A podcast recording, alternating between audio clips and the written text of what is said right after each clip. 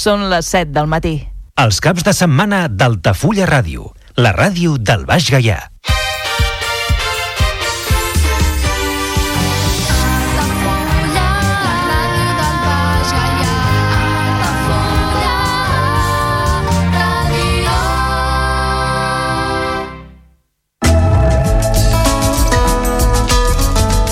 L'agenda Altafulla Ràdio.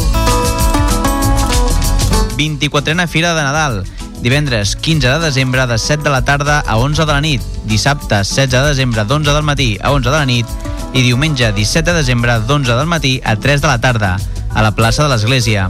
Cantada de Nadal a càrrec dels grups Cant Coral de l'Escola Municipal de Música, divendres 15 de desembre a dos quarts de set de la tarda a la plaça de l'Església. Bany de bosc a prendre consciència dels beneficis de la natura, dissabte 16 de desembre de 10 del matí a 1 del migdia, des de l'hora de la sínia.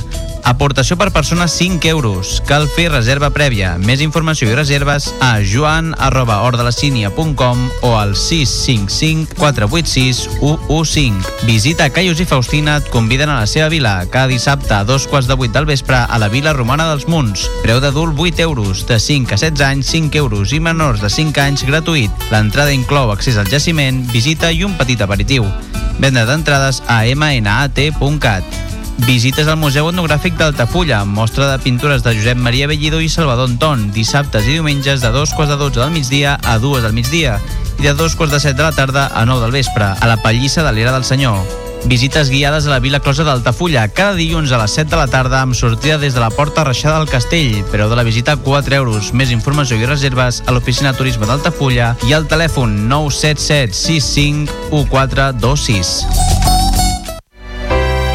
Comunions 2024. Dates ja disponibles amb sales privades, jardí, pàrquing privat i la millor gastronomia. Més informació i reserves al 977 65 11 55 i a comercial arroba altafullamarotel.com o al web altafullamar.hotel.com. Les teves celebracions familiars a l'Altafulla Mar Hotel. Ja coneixes les propostes que t'ofereix el Club Marítim Altafulla? Vine i descobreix totes les nostres activitats. Sortides en caiac o pa del surf, cursos de vela per a totes les edats. No t'ho perdis i gaudeix d'un dels esports més segurs d'aquest any. Club Marítim Altafulla. Obert tot l'any i per a tothom. Carrer Major, el programa de les emissores del Camp de Tarragona. Cada dia de 4 a 6 de la tarda, el que passa al Camp de Tarragona t'ho expliquem amb la major redacció d'un programa de territori quilòmetre zero. Periodisme de proximitat, continguts de qualitat, amb Anna Plaza i Toni Mateos. Carrer Major. Al meu país la pluja no sap ploure. Canvi climàtic asseca els rius, posa en risc l'abastament d'aigua i la producció d'aliments. Treballem per fer front a la sequera i garantir l'aigua, però cal l'esforç de tothom. Cada gota compte. La pluja no la controles, l'aixeta sí. Generalitat de Catalunya, sempre endavant. El meu pare va marxar, el van cridar files, jo tenia tres mesos i ja no el van tornar a veure mai més. La ràdio va fer un paper molt important a l'hora de, de saber que existia un programa de recuperació dels cossos trobats en fosses comunes de la, de la Guerra Civil. A mitjan juliol, que m'havien trucat de justícia per informar-me que havien pogut casar les dues mostres d'ADN, la de la meva mare amb la del meu avi. Vaig posar a cridar i abraçar-me amb ells amb uns plors perquè vaig pensar al final, al final ho he aconseguit. La vaig agafar la foto d'ella i li vaig dir, mama, ja tenim el papa aquí, i ja pots estar junt amb ell. Si tens algun familiar desaparegut durant la Guerra Civil i el franquisme, inscriu-lo al Cens de Persones Desaparegudes i apunta't al programa d'identificació genètica. Tu també pots tancar el dol. Fem-ho bé, fem-ho tot, fem-ho possible. Generalitat de Catalunya. Has vist la notícia sobre la fuita química? Sabríeu com actuar en cas d'accident químic? Les indústries que treballen amb substàncies perilloses compten amb sistemes de seguretat per evitar accidents, però en determinats casos greus, la població més propera es podria veure afectada. Protecció Civil informa que l'autoevacuació no és una mesura segura. Cal confinar-se al lloc on ens trobem o a l'edifici més proper i tancar portes i finestres. Escoles i residències de gent gran saben com actuar i són llocs segurs. No hi aneu a buscar els familiars. 112. Telèfon d'emergències. En cas d'accident químic, practica l'efecte bombolla. Quan hi hagi un accident que pugui afectar la població, sonaran les sirenes i rebràs un missatge al mòbil. Per la teva seguretat, caldrà que et confinis immediatament. A casa, a l'edifici més proper o a l'escola. Tanca les portes i les finestres. Abaixa les persianes i apaga els sistemes de climatització. L'efecte bombolla et protegirà. Generalitat de Catalunya. Sempre endavant. El primer pas a la Lluna va canviar la humanitat. Les d'un fill et canvien el món. Caminar per la muralla xinesa és un viatge en el temps. Passejar pels teus carrers és part de la teva història. Fer el cim a l'Everest és una gesta. Quan l'enxaneta fa el cim, aixeca passions. Hi ha històries que poden ser petites per al món, però són les més importants perquè són les teves. A la teva ràdio local, sentim com tu. Vols anunciar-te a la ràdio? A la plaça del Pou? Al pavelló poliesportiu? Cap problema. Truca al 635 83 30 94 i parla amb el nostre comercial. Així de fàcil. I quins preus?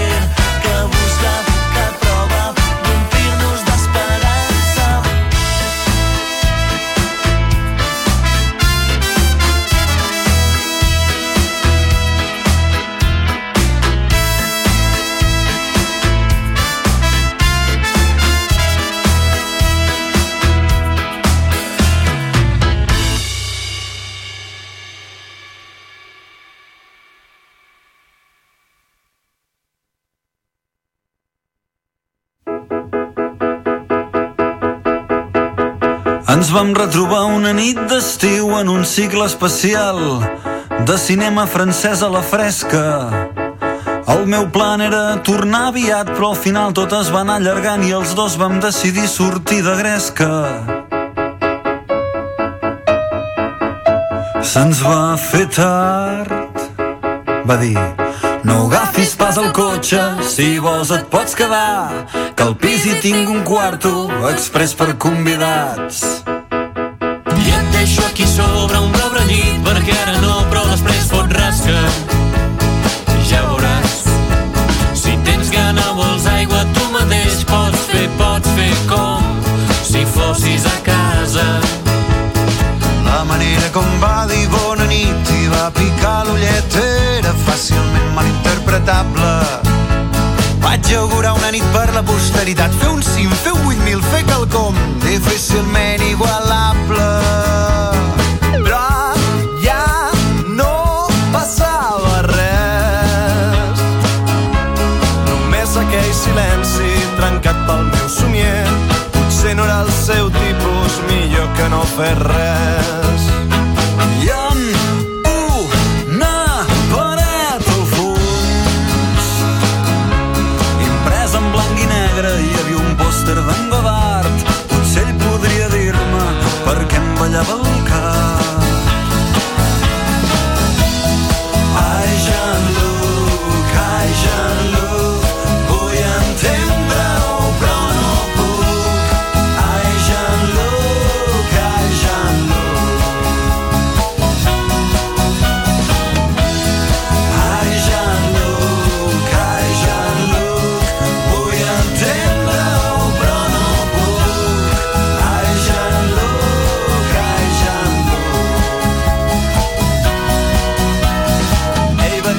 Casos com aquest no es tracta de ser més guapo o de ser més lleig, sinó d'estar convençut de fer-ho.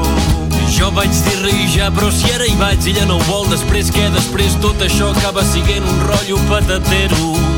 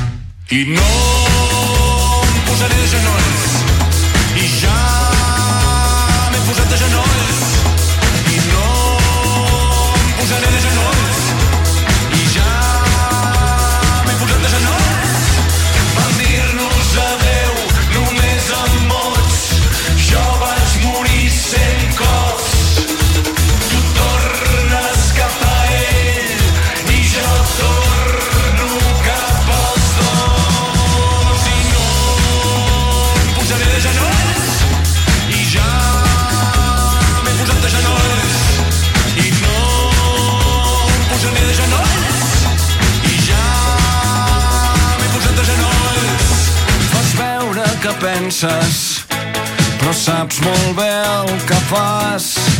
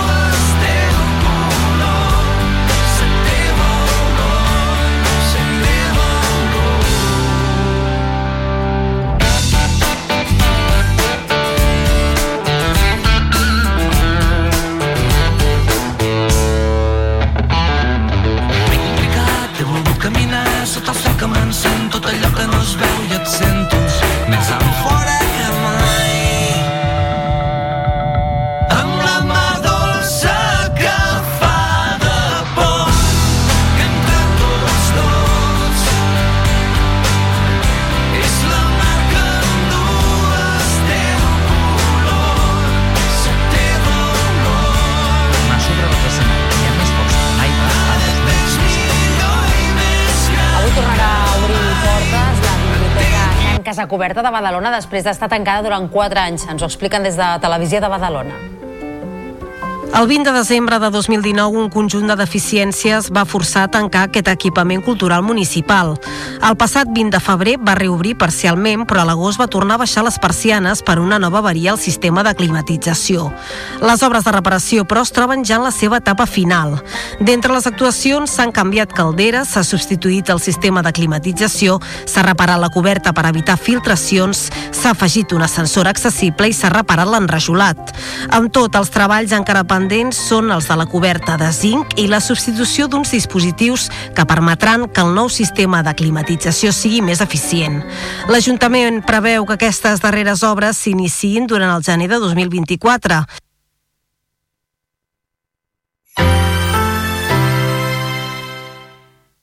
La xarxa de comunicació local. Paraules habitables.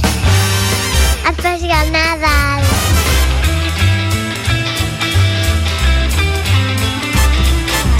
Diem els Nadals per influència del castellà, però no només hi ha hagut aquesta transformació del singular al plural, sinó que prèviament hi ha hagut la transformació d'afegir-hi un article davant, el Nadal, i després un segon pas de metamorfosi que és els Nadals en plural, que no és en cap cas admissible. Suposo que inconscientment, quan tu penses en Nadal com a data, doncs és el 25 de desembre, fum, fum, fum, però en canvi el concepte Nadal engloba més dies. El dia de Sant Esteve, Cap d'Any, el dia de Reis, per tant sí que hi ha una idea més global i pot ser sí que hi hagi tendència a fer-ho en plural per això.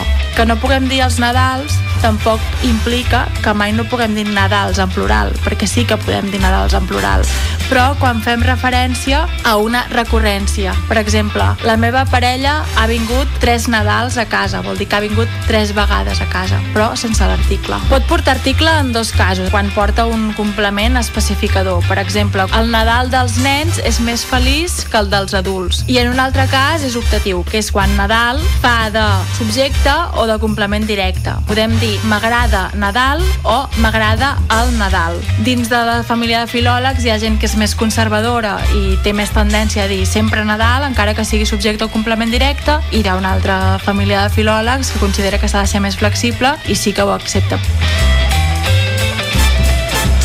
Laura Hortensi i altres lingüistes repassen el català d'aquestes festes a l'especial de Nadal del Paraules Habitables, a la teva ràdio local i a la xarxa més.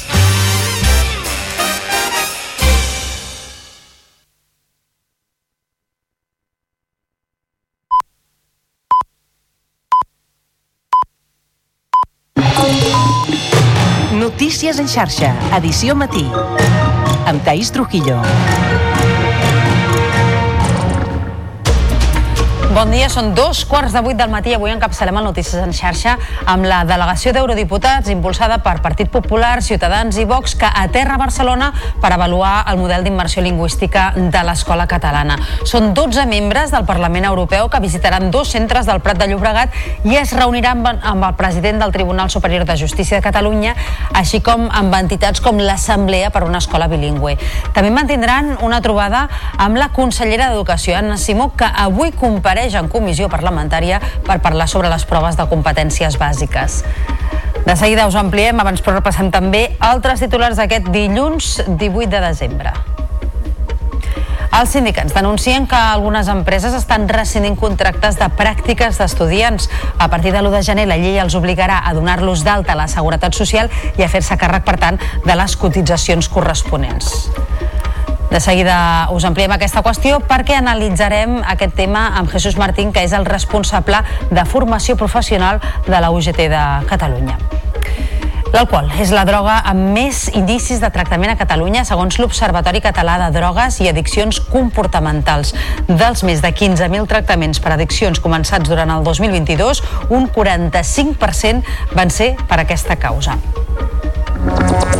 El món local es volca en la Marató de TV3 que ha recaptat més de 5,7 milions d'euros per la salut sexual i reproductiva. Municipis d'arreu del país han participat en multitud d'actes solidaris, molts d'ells en col·laboració amb ràdios i televisions locals.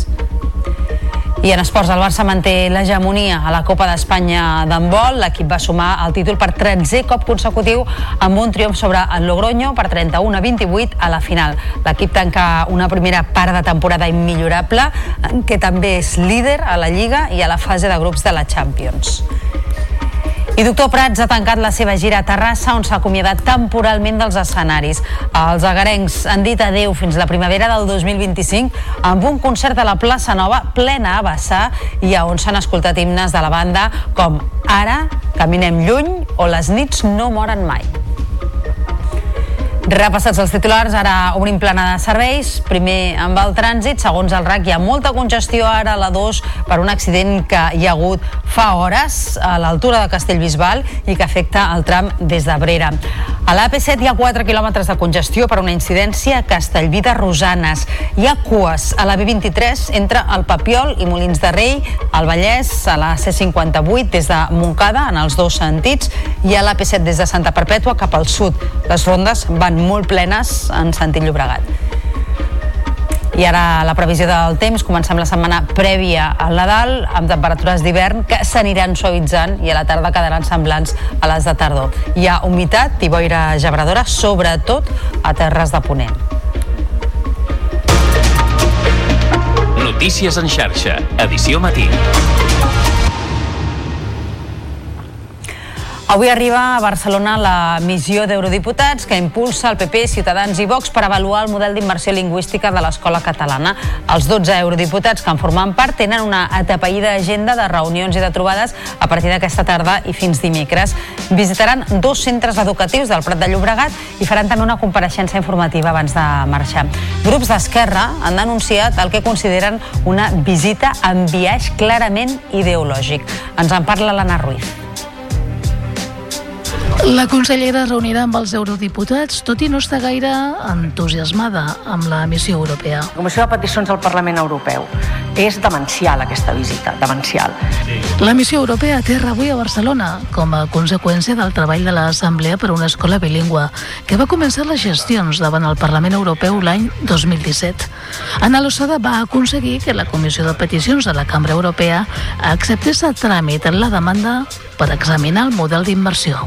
Nosotros estamos esperanzados con esta misión y creemos que, que va a ser imposible digamos, ocultar lo que ocurre en la escuela en Cataluña. La previsió inicial és que la missió dels 12 eurodiputats tingui enllestides les seves conclusions i posi nota a la immersió abans del mes de maig del 2024.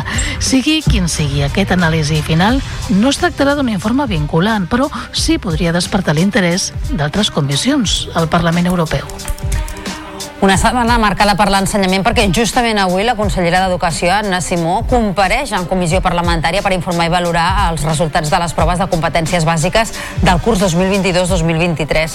Aquesta compareixença arriba un dia abans de la cimera de partits convocada pel president de la Generalitat, Pere Aragonès, per abordar els resultats de l'informe PISA. El govern hi reivindicarà, entre altres qüestions, els compromisos i acords del ple monogràfic sobre la situació de l'educació i el sistema educatiu fet al Parlament abans de l'estiu. I els sindicats denuncien que algunes empreses han rescindit contractes de pràctiques d'estudiants. A partir de l'1 de gener, les empreses que tinguin estudiants de formació professional treballant-hi els hauran de donar d'alta la Seguretat Social i aquesta obligació està posant en dubte aquestes pràctiques. En volem parlar d'aquesta qüestió amb Jesús Martín, que és el responsable de formació professional de la UGT Serveis Públics de Catalunya. Senyor Martín, molt bon dia. Molt bon dia. Expliqui'ns en primer lloc, eh, perquè ens situem i, i, i tinguem clar el context, quin és aquest canvi legislatiu que afectarà aquests contractes de pràctiques a partir del mes de gener? Bé, uh, si sabeu, uh, l'alumnat feia formació en centres de treball, conegut amb, amb nom de FCT, o bé formació dual.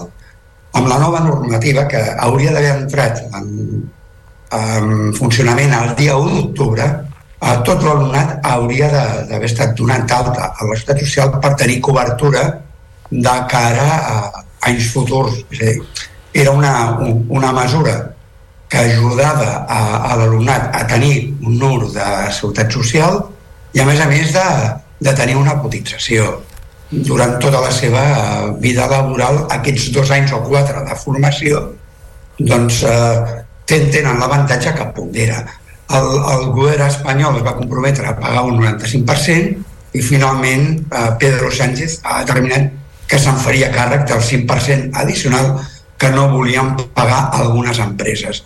Per nosaltres és un fet totalment lamentable que les empreses no apostin per la formació professional quan el nostre país necessita persones ben formades i elles són les primeres en queixar-se que no tenen mà d'obra qualificada. Uh -huh. O hi apostem per la formació professional o el, o el país no trobarà la mà d'obra adequada. També he de dir que la Conselleria d'Educació s'ha adormit. El que no es pot fer és eh, esperar fins l'última hora, perquè, aviam, ara ens trobarem que la Seguretat Social estarà totalment col·lapsada per poder inscriure tot l'alumnat. I és més, eh, tindrem problemes burocràtics perquè, eh, com ja sabeu, eh, Catalunya ha tingut un increment notable d'alumnat de procedència estrangera que no té el, el NIE. I un dels problemes que, que tindrem és com podrem entrar en, en el sistema aquells alumnes que només tinguin un número de passaport, per la qual cosa doncs, aquí demanem flexibilitat tant a la Seguretat Social, eh, cridem eh, al Departament d'Educació i a les empreses que no juguin amb la formació professional perquè el, el futur de la formació del país està en joc. Nosaltres estem per ajudar i en aquest sentit entenem que aquesta mesura era positiva, era una de les coses que nosaltres reclamàvem, els sindicats, que no es fessin beques, sinó que es fes un, un contracte de, de formació. Uh -huh. És a dir, una mesura positiva perquè en principi a més aquesta cotització comptaria de cara a la jubilació d'aquests uh, estudiants, d'aquests treballadors uh, però deia que és lamentable que les empreses no hi apostin, és perquè elles eren les que s'havien d'encarregar de fer aquest registre o de pagar aquest 5% Exacte. restant? Sí, i, i també per la quantitat sí, la quantitat que havíem de pagar era irrisòria, era 40 cèntims per dia i alumne que això no significa res. Aviam, comptabilitzem quan costa una empresa anar a una, a una altra ETT o una empresa de recursos humans a buscar i captar talent. L'avantatge que té la formació en centres de treball, les pràctiques, és que tu, per una banda, el que estàs fent és eh, educar, formar a, a aquell futur treballador en, en el si de la teva empresa. Per, mm, per la qual cosa nosaltres entenem que era un win-win. Tothom hi surt guanyant apostant per la formació. Es parla que hi podria haver fins a 150.000 estudiants eh, afectats. En quina situació quedaran a partir del dia 1 de gener si no han estat donats d'alta de la Seguretat Social? Aviam, jo m'he entrevistat amb diferents directors de, de centres de Catalunya i el que no pot fer un, un director és jugar-se-la i enviar un alumne sense tenir cobertura uh -huh. perquè al final la responsabilitat és, és seva eh, això què implica? doncs que s'està vulnerant el dret de l'alumne a la seva formació i és un dret el de l'educació i el de la formació acollit a, a la nostra carta a la Constitució si això es produís s'estaria vulnerant un dret i s'estarien certificant unes hores de formació que en realitat no es donaran. Una hora perduda és irrecuperable. Per tant, apostem per, perquè hi hagi flexibilitat per totes les parts. Es podria solucionar si s'entén que qui contracta en realitat és l'administració pública, que de, de fet eh, així és, perquè aquest alumne estarà eh, acollit a un centre eh, públic o sostingut amb, amb fons públics, per la qual cosa podríem demanar a la Seguretat Social flexibilitat a l'hora de poder entrar les dades d'un mes en comptes de 10 dies, com seria un contracte normal. Doncs eh, n'anirem fent seguiment. Jesús Martín, responsable de formació professional de UGT Serveis Públics de Catalunya. Gràcies per haver-nos atès aquest matí al Notícies en Xarxa. Gràcies a vosaltres, Tais. Molt bon dia. Thank you.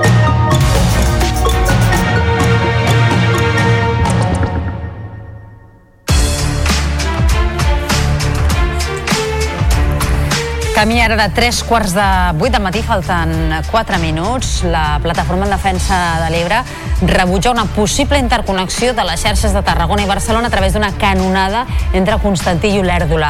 Una proposta impulsada per quatre col·legis professionals d'enginyers i economistes que formen una comissió de gestió d'aigua i que, segons la plataforma, només respon a interessos urbanístics. És una crònica de la Gisela Jimeno. La plataforma en defensa de l'Ebre insisteix que la proposta d'enginyers i economistes de crear una possible connexió de les xarxes Ter-Llobregat amb el Consorci Aigües de Tarragona no és la solució. Segons expliquen des de la plataforma, l'objectiu principal d'aquest projecte és disposar de recursos per fer els 217.000 habitatges previstos en el Pla Urbanístic Metropolità de l'àrea de Barcelona. És per això que no es plantegen que aquesta interconnexió sigui només per emergències. no som insolidaris. L'únic que estem dient és que eh, el, hi ha uns límits a les coses i el, i el creixement, de, el creixement té un límit.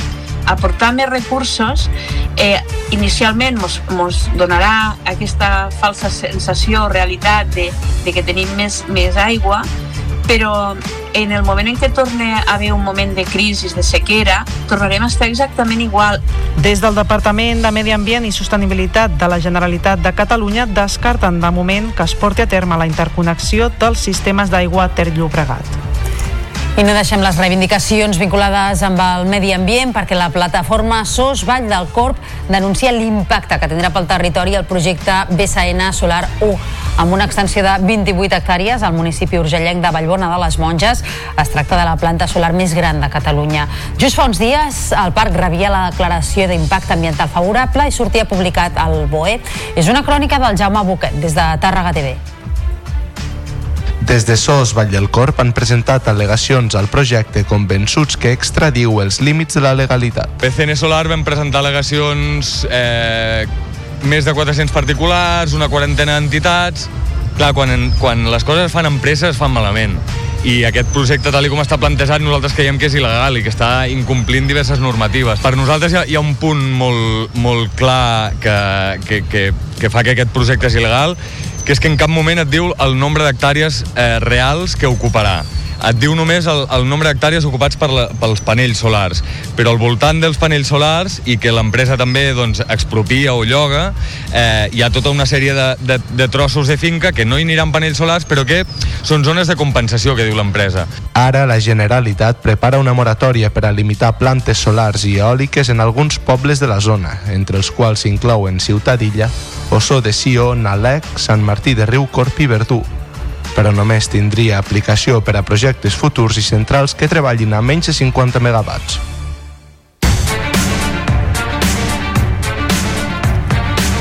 L'alcohol es converteix en la droga amb més inicis de tractament a Catalunya, segons l'Observatori Català de Drogues i Addiccions Comportamentals. De les més de 15.000 teràpies per addiccions començades durant el 2022, un 45% va ser per aquesta causa. Tot i que els homes predominen en aquest tipus de tractaments, cada vegada es detecten més casos de dones que volen deixar l'alcohol. És una crònica de la Gisela Jimeno. El 73% de persones que decideixen començar el tractament per alcoholisme són homes amb una mitjana d'edat de 47 anys. Això es deu, segons els especialistes, en un fet cultural on les dones ho fan d'amagat per un sentiment de culpa. Els homes se'n van al bar, els homes eh, estan amb els amics... L'alcoholisme de les dones és típicament un alcoholisme amagat amb un tant per cent molt, molt alt de casos, són dones que veuen un cop han fet la feina de casa, un cop tot està organitzat i quan tothom se'n va a dormir, treuen l'ampolla de sota la pica i comencen a beure. No obstant això, els experts destaquen com està canviant el perfil dels pacients on els menors d'edat tendeixen a igualar els homes adults en el consum de drogues legals com el tabac o l'alcohol. Amb algunes drogues com el tabac fumen més les noies que els nois, eh? però amb l'alcohol ja t'ho dic, és una, és, el, el problema és la manera d'anar de festa. Pel que fa als tractaments per addiccions comportamentals a Catalunya, s'han notificat 914 casos per primer cop, 690 dels quals per problemes amb els jocs d'apostes, seguit per l'ús de videojoc o l'addicció al sexe amb 54 casos. També reflecteixen que la cocaïna continua sent la segona droga amb més inicis de tractament. Seguidament es posiciona en tercer lloc el cannabis, destacant en la franja d'edat més jove amb gairebé 1.900 casos. La Marató per a la Salut Sexual i Reproductiva ha recaptat més de 5.700.000 euros. La nova edició audiovisual de la cita solidària s'ha combinat amb activitats al carrer arreu del territori i ha servit per parlar sense tabús sobre aquestes malalties que afecten 3 milions de persones a Catalunya. Cada any es detecten 210.000 casos nous. El programa de TV3 i Catalunya Ràdio, en què ha col·laborat la xarxa, s'ha fet des d'una mirada femenina i amb la vocació d'arribar als joves. Durant més de 17 hores s'han ofert els testimonis de persones que pateixen alguna malaltia relacionada amb l'aparell sexual o reproductiu, entrevistes a experts i actuacions musicals que han amenitzat la jornada.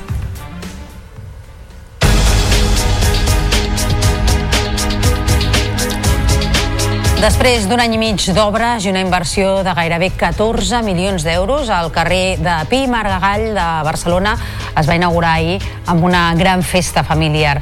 No hi van faltar activitats per a la canalla, un escenari amb música i una xocolatada. La reforma ha servit per pacificar 690 metres de carrer amb l'eliminació de dos dels quatre carrils de circulació i l'ampliació de les voreres, que en algun tram arriba als 12 metres. Així, les zones per a vianants ocupen ara el 70% del carrer. Como está ahora me gusta mucho más, obviamente, porque es mucho más agradable. Quina diferència de com estava abans. La coneguda com a paranualada motera ha circulat aquest diumenge pels carrers de Barcelona malgrat la prohibició de l'Ajuntament. Desenes de motoristes disfressats de Pare Noel van desfilar pel centre de la ciutat en petits grups desafiant les possibles sancions pel fet de no tenir permís d'interior. Per ara l'Ajuntament no pot confirmar si s'ha d'imposar alguna multa. Paral·lelament, desenes de veïns es van concentrar a la Gran Via per denunciar la contaminació acústica i ambiental que provoca aquesta desfilada. I avui entra en vigor a Barcelona el decret que obliga a portar el gos lligat a tota la ciutat. Fins ara hi havia una moratòria a la normativa per la manca d'espais per portar-lo sense corretja. A partir d'avui, però, l'Ajuntament desplega les anomenades zones d'ús compartit per a gossos, on podran anar deslligats durant determinades hores del dia. Per tant, dur el gos sense lligar fora d'aquests espais i hores pot ser sancionat amb multes d'entre 100 i 300 euros.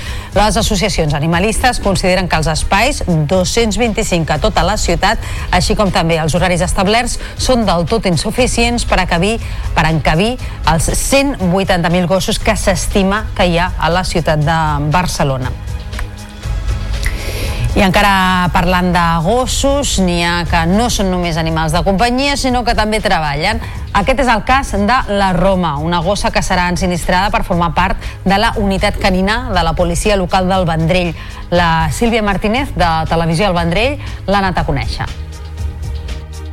És aquest cadell de pastor alemany que serà la primera incorporació de la unitat canina. Ara només té 3 mesos i s'està familiaritzant amb els dos agents de policia que la guiaran, però en uns mesos tindrà una funció molt concreta. Començarem a, després de festes a l'ensinistrament, que el farem aquí a prop de, del Vendrell i durarà uns 8 mesos, un any. Llavors, amb aquesta gosseta el que es pretén és eh, búsqueda de substàncies estupefaents. Ens ajudarà a seguir amb la lluita contra el tràfic d'estupefaents, amb la lluita contra el tràfic de drogues per tenir uns carrers més segurs, uns carrers més ordenats i un carrers on la seguretat sigui primordial i fonamental per garantir la convivència als nostres carrers i barris. L'objectiu a mig i llarg termini és anar ampliant aquesta unitat d'intervenció canina perquè tingui més abast, perquè arribi a més llocs i perquè tingui més objectius. El regidor de la policia local del Vendrell va anunciar el passat mes de setembre que el cos tindria una unitat canina de suport a la lluita contra el tràfic de drogues i la criminalitat al municipi.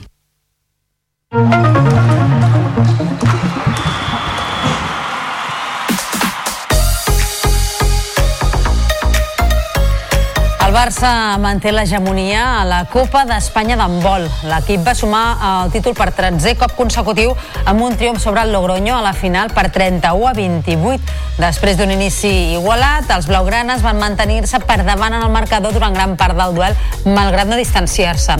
Aleix Gómez, amb 8 gols, va ser el màxim anotador, seguit de Dica amb 7.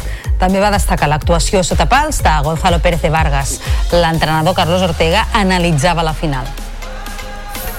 Creo que hemos acabado de manera brillante ante un grandísimo rival que ha jugado buen balonmano, que nos ha puesto las cosas difíciles. Hemos llevado siempre la iniciativa. Hemos sido ocho arriba el- el- a mitad del segundo tiempo, así, y ellos la verdad que han apretado al final y, bueno, se han acercado al marcador, pero creo que el partido está totalmente controlado. Cierto es que la distancia final ha sido solo de tres goles. El Girona ha de guanyar aquesta nit l'Alavés a Montilivi si vol refermar-se en el lideratge de la primera divisió de futbol. La victòria del Real Madrid sobre el Villarreal per 4-1 ha situat els blancs provisionalment en la primera posició amb un punt més que els blanc i vermells. Els gironins tenen la baixa d'Estuani per sanció i el dubte de Tsigankov. Després de la victòria sobre el Barça, els de Mitchell confien en repetir la gesta i mantenir la distància amb el seu principal perseguidor, l'equip madridista. El tècnic, però, avisa que per aconseguir-ho cal seguir tocant de peus a terra. El Alaves és un equip que en defensa està molt bé, és, és un dels, equips que, que menys eh, ocasions eh, de gol rebre de, del rival. La repercussió és de fora per, eh, i no a dins. I espero que la gent pensi... Eh, com sepa? Sàpiga. Sàpiga. Sàpiga. Joder, sàpiga. Esa ja una nova. Sàpiga eh, diferenciar que a dins eh, hem de tenir els peus en el, a terra. Un triomf del Girona allunyaria encara més el Barça de les primeres posicions. L'ensopegada a València fa que els de Xavi puguin tancar la jornada a 9 punts de lideratge en cas de victòria gironina. I d'altra banda l'equip coneixerà aquest migdia el rival als vuitens de final de la Lliga de Campions. El sorteig es farà a Nió a partir de les 12. Els possibles encreuaments dels blaugrana són contra el PSG, l'Inter de Milà, el Copenhagen, el PSV Eindhoven, el Nàpols, la Lazio i el Leipzig. Jonathan Giraldez aclarirà avui el seu futur en una roda de premsa convocada a les 11 del matí. Tot apunta que el tècnic, que acaba contracte el proper estiu, no seguirà el proper curs a la banqueta blaugrana i marxarà a la Lliga nord-americana. Ahir l'equip va sumar un nou triomf a la Lliga F, on manté el ple de victòries. Va guanyar el Costa d'Ege, Canari, per 0 a 2, amb les dianes de Hansen de penal i de Keira Walsh. La victòria manté l'equip amb 9 punts de marge sobre el segon, el Real Madrid. Precisament el conjunt blanc va sumar els 3 punts a camp d'all llevant les planes amb una victòria per 0 a 2. Malgrat la derrota, les de Sant Joan d'Espí continuen en una còmoda vuitena posició a la taula. A la primera federació, el Nàstic va sumar la tercera victòria en quatre partits i li ha pres la plaça de playoff al Barça Atlètic. Va superar per 0 a 2 al Logroño amb un doblet de David Concha. El primer gol va arribar en el minut 4 i el segon ja en el segon temps. L'equip aprofita la desfeta del filial blaugrana davant la Pontferradina per mirar cap amunt i situar-se cinquè a la taula. I a la Lliga C de bàsquet, el Barça es va refer de les tres últimes derrotes consecutives guanyant el Bascònia per 82 a 62. Aquest cop el conjunt de Roger Grimau va fer una bona defensa, el gran dèficit de les últimes setmanes, i va arribar a guanyar de 30 punts. Els blaugranes Parker i Hernán Gómez van ser els màxims anotadors dels locals amb 14 punts cadascun, mentre que Howard va mantenir en vida els bascos amb 24 punts. El duel català a Fontejau, victòria del Joventut per 67 a 82 en un duel directe per les places de Copa. La primera meitat va ser igualada fins que Andrés Feliz va començar a obrir diferències. Els gironins van reaccionar, però de la mà d'Andrius, la penya va sentenciar al darrer quart. Feliz va ser el millor dels vertinegres amb 16 punts i un 25 de valoració. I a la Lliga Femenina Endesa, derrota del Barça Sant Feliuenc a casa davant el Baxi Ferrol per 70 a 75. Les blaugranes van començar bé el partit amb un parcial de 22 a 8 en el primer quart, però no van saber mantenir el domini i van acabar cedint davant el conjunt gallec. El Barça continua immers en una crisi de resultats.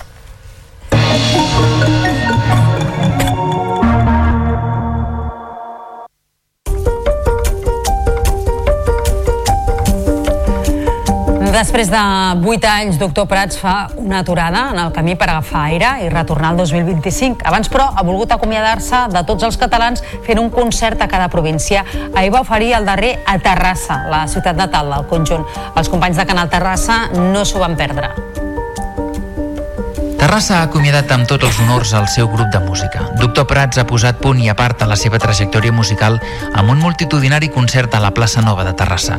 Una ballada plena de sorpreses que ha fet vibrar d'emoció a tots els assistents. O sigui, acabem allà on vam començar, eh, amb la família, amb, amb els col·legues de tota la vida, amb molta gent coneguda.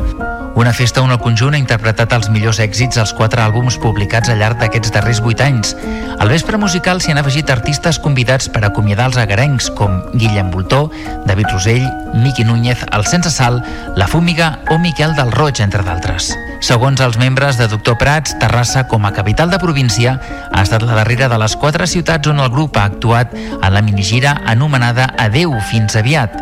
Ara faran una aturada de dos anys per retornar sobre dels escenaris i amb més força que mai el 2025. El Museu Pau Casals del Vendrell ha estat un dels 50 museus europeus nominats al Premi Museu de l'any 2024. Aquest guardó reconeix els millors museus o exposicions temporals que s'han creat en els darrers 3 anys o aquells existents que s'han renovat de forma integral.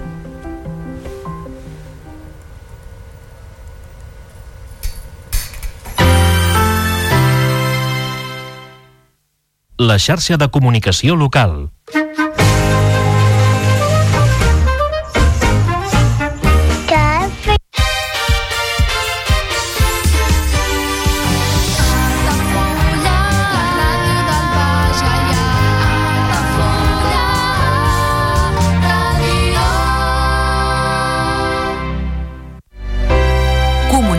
2024. Dates ja disponibles amb sales privades, jardí, pàrquing privat i la millor gastronomia. Més informació i reserves al 977 65 11 55 i a comercial arroba altafullamarotel.com o al web altafullamarotel.com. Les teves celebracions familiars a l'Altafulla Mar Hotel.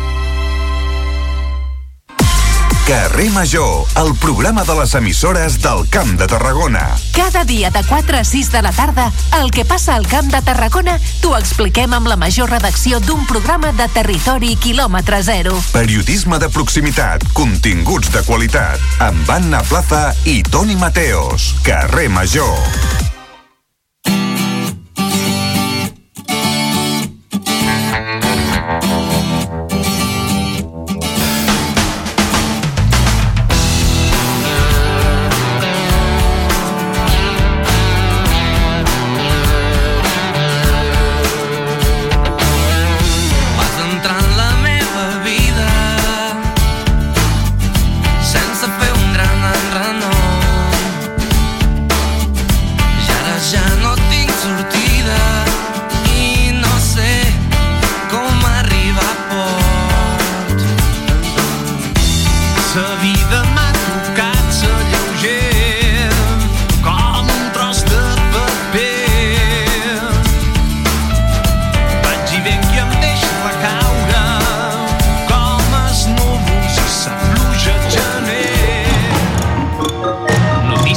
Notícies en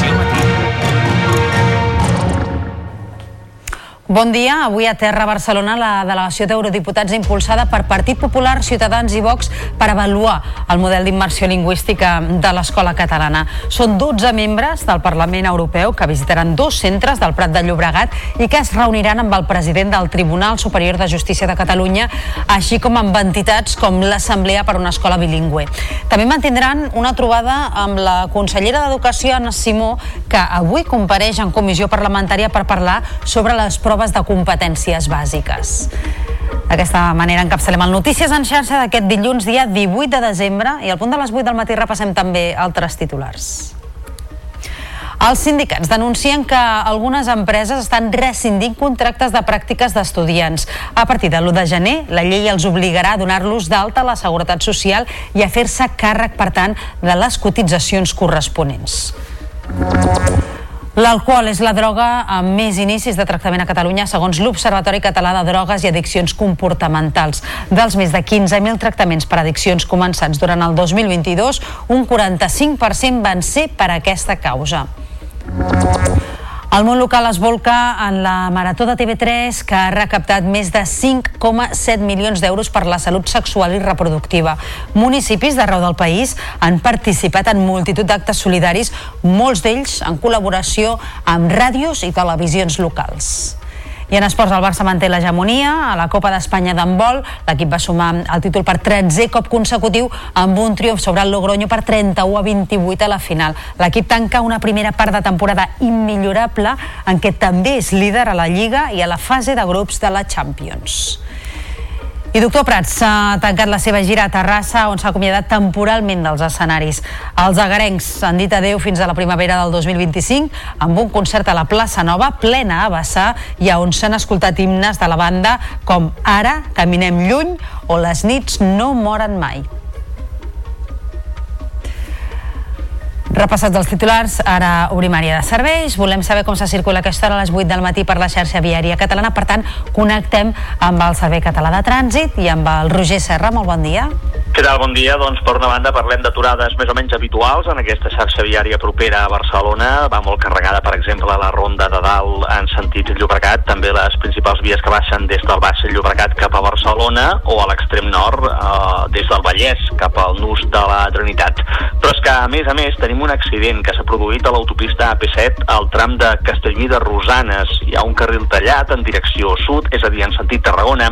Aturades importants que ja arriben als 8 quilòmetres entre Castellbisbal i Castellví de Rosanes. Això passa, com et comentava, a l'autopista AP7 direcció sud a causa d'un accident. A més a més, aquestes aturades també afecten a l'autovia A2. Hi ha trams de retencions durant 5-6 quilòmetres entre Abrera i Martorell, direcció Barcelona. És tot des del Servei Català de Trànsit. I tanquem portada en la previsió del temps de cara a aquest dilluns. Lluís Miquel Pérez, molt bon dia. Matí d'hivern i tarda de tardor, eh? Més o menys. Així és, Taís, un bon resum perquè el temps comença ben fred. A hores d'ara tenim gelades que en el cas, per exemple, d'Osona, també a la Noguera, a l'Alt Urgell, a la comarca del Berguedà, del Ripollès, de la Garrotxa, doncs a hores d'ara fan baixar el termòmetre per sota dels 6 o 7 graus sota zero.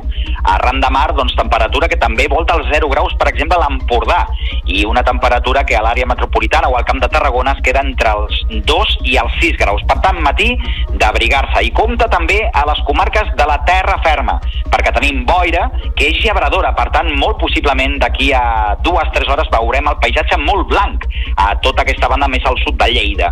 Aquests núvols més baixos aquesta tarda es desfaran, per tant la tarda serà completíssimament assolellada, molt suau a l'alta muntanya, més que a les valls, amb fred, per exemple, al altiplà central o també cap a les comarques de Ponent, i arran de mar, així com a les comarques de Girona, la tarda acabarà sent molt plàcida, per tant, matí de gratar el vidre del cotxe i aquesta tarda, doncs, d'estar com els llangardaixos, al solet.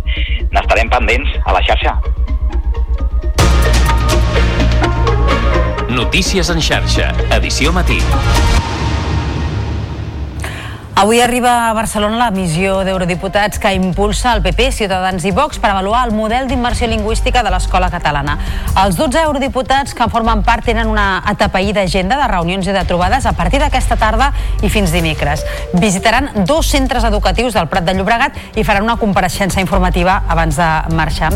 Grups d'Esquerra han denunciat el que consideren una visita amb biaix clarament ideològic.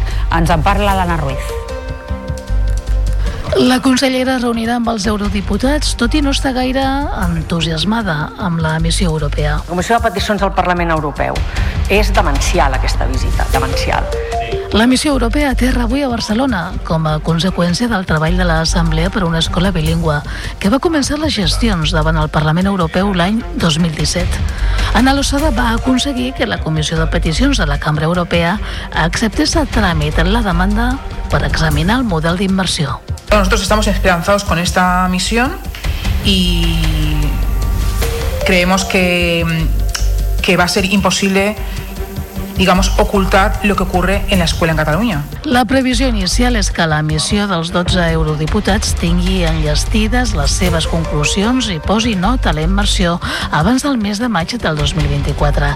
Sigui quin sigui aquest anàlisi final, no es tractarà d'un informe vinculant, però sí podria despertar l'interès d'altres comissions al Parlament Europeu.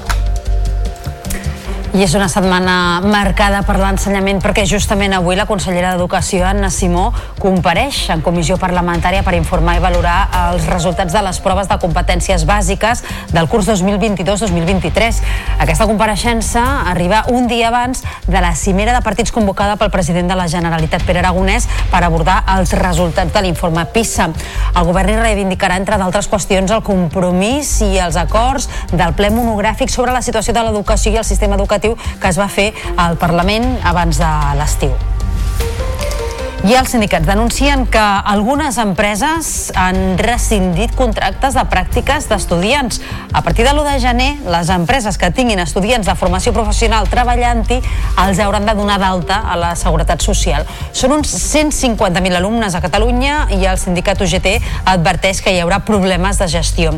Jesús Martín, responsable de formació professional de la UGT Serveis Públics, ha demanat flexibilitat a totes les parts. Ho ha dit en declaracions fa pocs minuts aquí al Notícies en xarxa i ha rebutjat l'actitud que ha tingut l'empresariat cap als estudiants i també la falta d'acció del Departament d'Educació.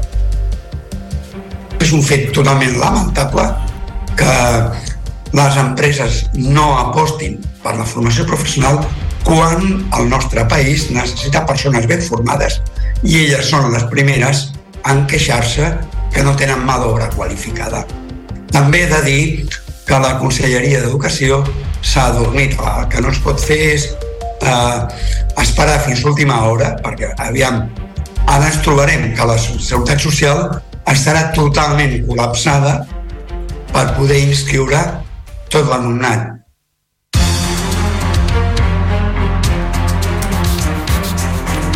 La plataforma en defensa de l'Ebre rebutja una possible interconnexió de les xarxes de Tarragona i Barcelona a través d'una canonada entre Constantí i Olèrdola. Una proposta impulsada per quatre col·legis professionals d'enginyers i economistes que formen una comissió de gestió d'aigua i que, segons la plataforma, només respon a interessos urbanístics. És una crònica de la Gisela Jimeno. La plataforma en defensa de l'Ebre insisteix que la proposta d'enginyers i economistes de crear una possible connexió de les xarxes Ter-Llobregat amb el Consorci Aigües de Tarragona no és la solució. Segons expliquen des de la plataforma, l'objectiu principal d'aquest projecte és disposar de recursos per fer els 217.000 habitatges previstos en el Pla Urbanístic Metropolità de l'àrea de Barcelona. És per això que no es plantegen que aquesta interconnexió sigui només per emergències. No som insolidaris. L'únic que estem dient és que eh, el, hi ha uns límits a les coses i el, i el creixement, de, el creixement també té un límit. Aportar més recursos eh, inicialment ens mos donarà aquesta falsa sensació o realitat de, de que tenim més, més aigua, però en el moment en què torna a haver un moment de crisi, de sequera, tornarem a estar exactament igual. Des del Departament de Medi Ambient i Sostenibilitat de la Generalitat de Catalunya descarten de moment que es porti a terme la interconnexió dels sistemes d'aigua Ter Llobregat. I no deixem les reivindicacions vinculades amb el medi ambient perquè la plataforma SOS Vall del Corc denuncia l'impacte que tindrà pel territori el projecte BSN Solar 1 amb una extensió de 28 hectàrees al municipi urgellenc de Vallbona de les Monges. Es tracta de la planta solar més gran de Catalunya. Just fa uns dies, el parc rebia la declaració d'impacte ambiental favorable i sortia publicat al BOE. És una crònica del Jaume Boquet des de Tàrrega TV. Des de SOS Vall del Corp han presentat al·legacions al projecte convençuts que extradiu els límits de la legalitat. PCN Solar vam presentar al·legacions eh, més de 400 particulars, una quarantena d'entitats...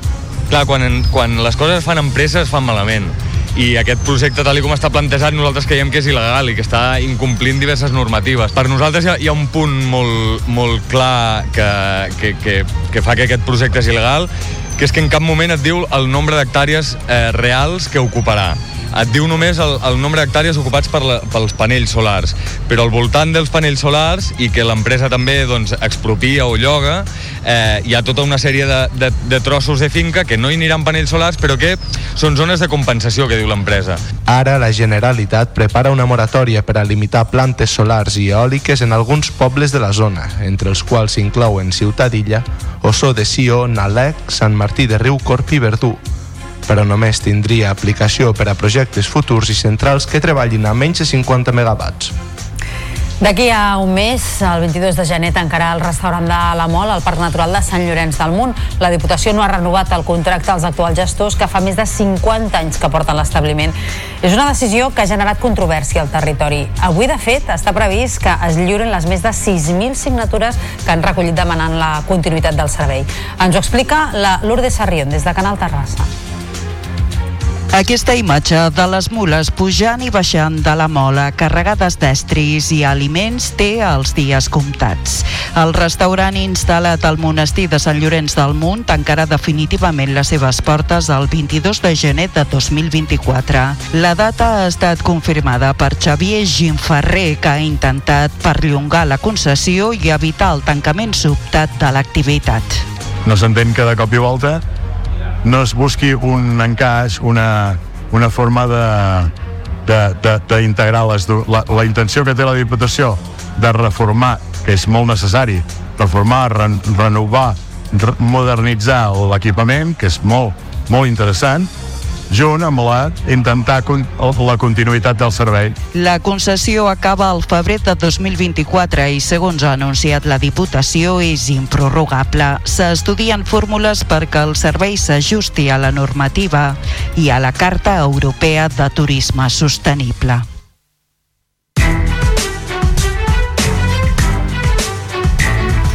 Camí ara d'un quart de nou del matí, falten 3 minuts. L'alcohol es converteix en la droga amb més inicis de tractaments a Catalunya, segons l'Observatori Català de Drogues i Addiccions Comportamentals.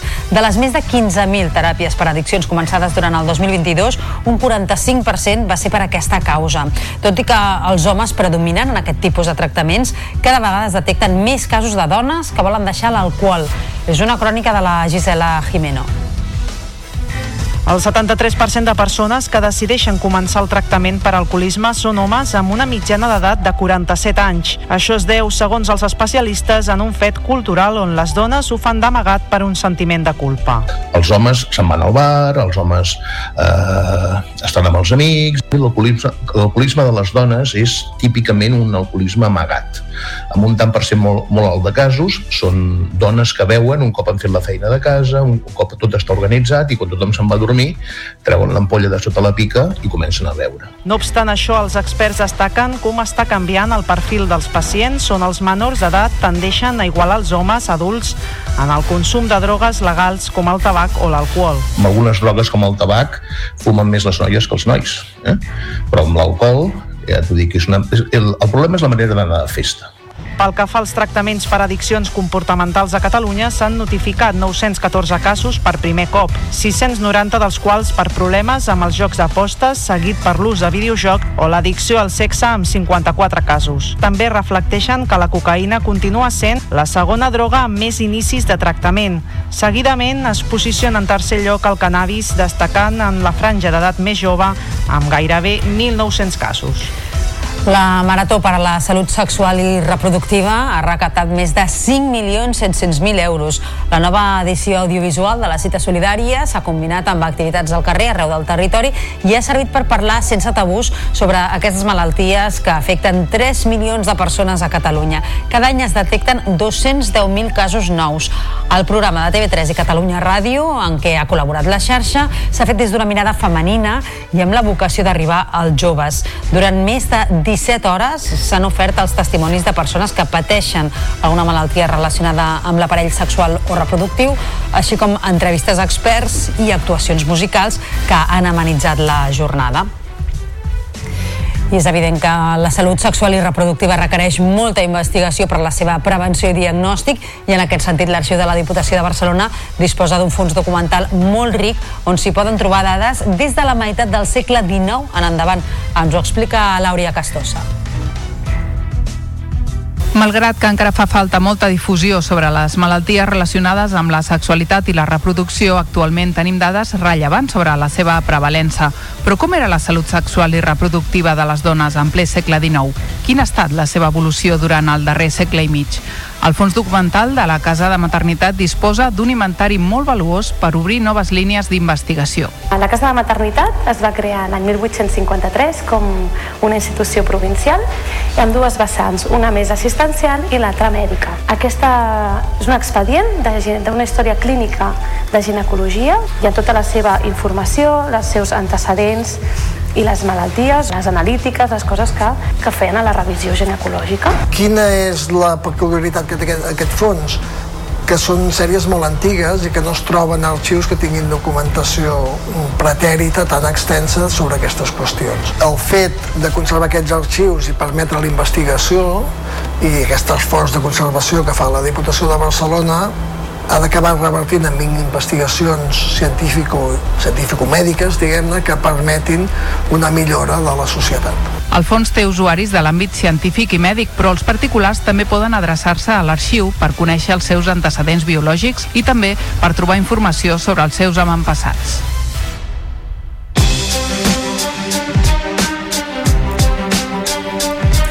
Després d'un any i mig d'obres i una inversió de gairebé 14 milions d'euros al carrer de Pi i Margall de Barcelona es va inaugurar ahir amb una gran festa familiar. No hi van faltar activitats per la canalla, un escenari amb música i una xocolatada. La reforma ha servit per pacificar 690 metres de carrer amb l'eliminació de dos dels quatre carrils de circulació i l'ampliació de les voreres que en algun tram arriba als 12 metres. Així les zones per a vianants ocupen ara el 70% del carrer.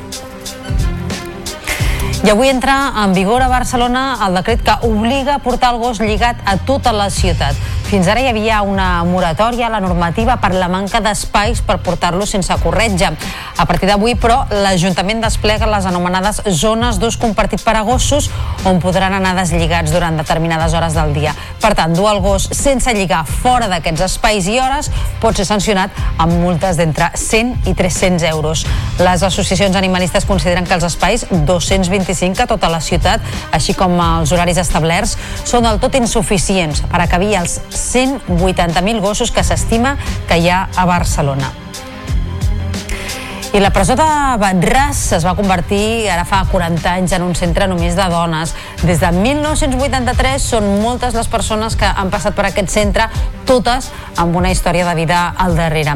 Avui coneixem la història de la Jèssica i la Ruth, dues dones que ens expliquen el seu dia a dia a Batràs i com aquest centre les ha ajudat a superar-se i a treballar per la reinserció. És un reportatge del nostre company David Benito.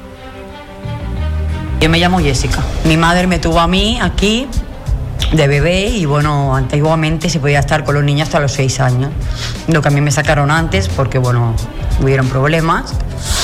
Y bueno, de, luego ya bueno, me criado en centro de menores toda la vida. Y a los 18 salí, bueno, y bueno, me junté y tuve a mi niño, mi primer hijo.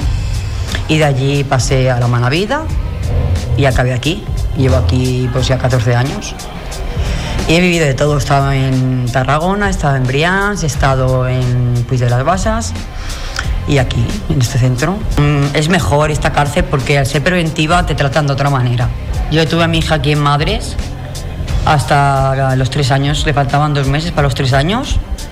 Y bueno, se, se pasa mal, entre comillas, más que nada, porque es un pasillo muy estrecho y estás, pues. Pero es el mejor regalo que te pueden dar el estar con tu hijo, criarlo tú y todos los días estar tú con tu hijo. Aquí hacen todo lo posible porque siempre el hijo esté con la madre y se vaya fuera con la madre, siempre lo hacen. Porque aquí miran mucho el tema de los niños, muchísimo, muchísimo. Mi nombre es Ruth Núñez y llevo aquí unos cinco meses. Y nada, desde que entré pues siempre me, recogi- me he sentido recogida y tal, porque entre los auxiliares, las ayudantes y tal, pues como que te calma un poco el hecho de, de estar en prisión. Y la verdad es que la vida aquí dentro está, bueno, a pesar que estás encerrada, pues como tienes apoyo de compañeras y de funcionarios y tal, pues que se lleva mejor, la verdad. Yo tengo una pena de un año y nueve meses por quebrantamiento de condena y nada, en enero ya tengo los permisos y tal y, y espero ya tener tercer grado, ya para poder trabajar y todo porque trabajar ya también te beneficia en el tercer grado y bueno, está bien. Música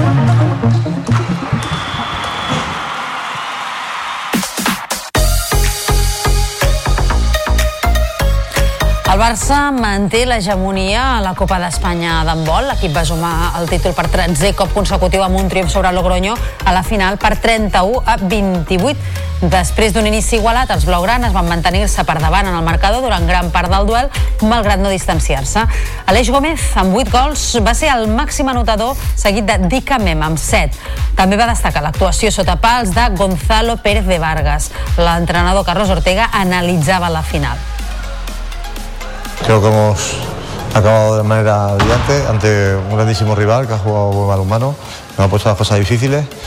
Hemos llevado siempre la iniciativa, no hemos sido ocho arriba a mitad del segundo tiempo, así, y ellos la verdad que han apretado al final y, y bueno, se han acercado al marcador, pero creo que el partido está totalmente controlado. Cierto es que la distancia final ha sido solo de tres goles. ¿no? El Girona ha de guanyar aquesta nit l'Alavés a Montilivi si vol refermar-se en el lideratge de la primera divisió de futbol. La victòria del Real Madrid sobre el Villarreal per 4 a 1 ha situat els blancs provisionalment en la primera posició amb un punt més que els blanquivermells. Els gironins tenen la baixa d'Estuani per sanció i el dubte de Zigankov. Després de la victòria sobre el Barça, els de Mitchell confien en repetir la gesta i mantenir la distància amb el seu principal perseguidor, l'equip madridista. El tècnic, però, avisa que per aconseguir-ho cal seguir tocant de peus a terra. El Alavés és un equip que en defensa està molt bé, és, és un dels, equips que, que menys eh, ocasions eh, de gol rebre de, del rival. La repercussió és de fora per, eh, i no a dins. I espero que la gent pensi... Eh, com sepa? Sàpiga. Sàpiga. Joder, sàpiga. Esa ja una nova. Sàpiga eh, diferenciar que a dins eh, hem de tenir els peus en el, a terra. Un triomf del Girona allunyaria encara més el Barça de les primeres posicions. L'ensopegada València fa que els de Xavi puguin tancar la jornada de 9 punts de lideratge en cas de victòria gironina. I d'altra banda, l'equip coneixerà aquest migdia el rival als vuitens de final de la Lliga de Campions. El sorteig es farà a Nió a partir de les 12.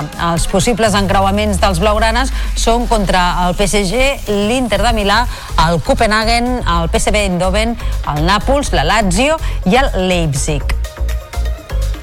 Jonathan Giraldez aclarirà avui el seu futur en una roda de premsa convocada a les 11 del matí. Tot apunta que el tècnic que acaba contracte el proper estiu no seguirà el proper curs a la banqueta blaugrana i marxarà a la Lliga nord-americana. Ahir l'equip va sumar un nou triomf a la Lliga F, on manté el ple de victòries. Va guanyar el Costa ADG Canari per 0 a 2 amb les dianes de Hansen de penal i Keira Walsh. La victòria manté l'equip amb 9 punts de marge sobre el segon, el Real Madrid.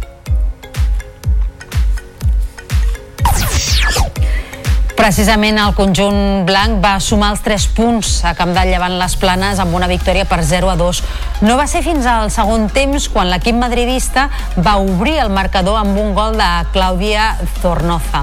El segon va ser de penal, transformat per Olga Carmona. Malgrat la derrota, les de Sant Joan d'Espí continuen en una còmoda vuitena posició a la taula. A la Lliga CB de bàsquet, el Barça es va refer de les tres últimes derrotes consecutives guanyant el Bascònia per 82 a 62. Aquest cop el conjunt de Roger Grimau va fer una bona defensa al gran dèficit de les últimes setmanes i va arribar a guanyar de 30 punts. Els blaugranes Parker i Hernán Gómez van ser els màxims anotadors dels locals amb 14 punts cadascun, mentre que Howard va mantenir en vida els bascos amb 24 punts.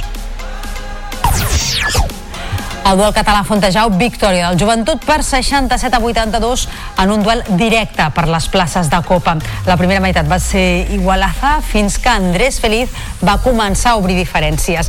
Els gironins van reaccionar, però de la mà d'Andrius, la penya va sentenciar al darrer quart.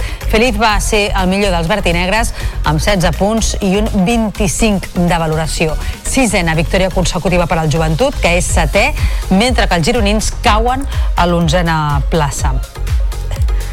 A la Lliga Femenina Andesa, derrota del Barça Sant Feliuenc a casa davant el Baxi Ferrol per 70 a 75. Les blaugranes van començar bé el partit amb un parcial de 22 a 8 en el primer quart, però no van saber mantenir el domini i van acabar cedint davant el conjunt gallec.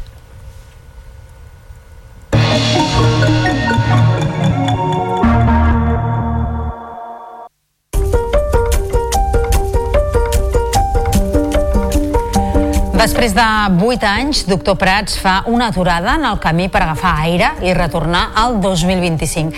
Abans, però, ha volgut acomiadar-se de tots els catalans fent un concert a cada província. Ahir va oferir el darrer a Terrassa, la ciutat natal del conjunt. Els companys de Canal Terrassa no s'ho van perdre.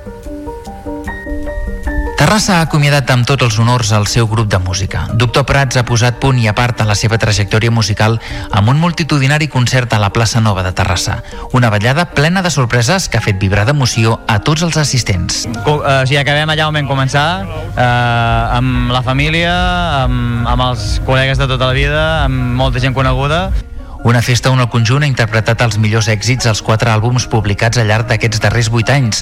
Al vespre musical s'hi han afegit artistes convidats per acomiadar els agarencs, com Guillem Voltó, David Rosell, Miqui Núñez, el Sense Sal, La Fúmiga o Miquel del Roig, entre d'altres. Segons els membres de Doctor Prats, Terrassa, com a capital de província, ha estat la darrera de les quatre ciutats on el grup ha actuat en la minigira anomenada Adeu, fins aviat. Ara faran una aturada de dos anys per retornar sobre dels escenaris i amb més força que mai el 2025. El Museu Pau Casals del Vendrell ha estat un dels 50 museus nominats al Premi Museu Europeu de l'any 2024. Aquest guardó reconeix els millors museus o exposicions temporals que s'han creat en els darrers 3 anys o aquells ja existents que s'han renovat de forma integral. És el cas del Museu Pau Casals, que ha implementat el nou projecte de renovació museogràfica amb actualitzacions tecnològiques que respecten els espais històrics de la casa i alhora ofereixen un discurs interactiu.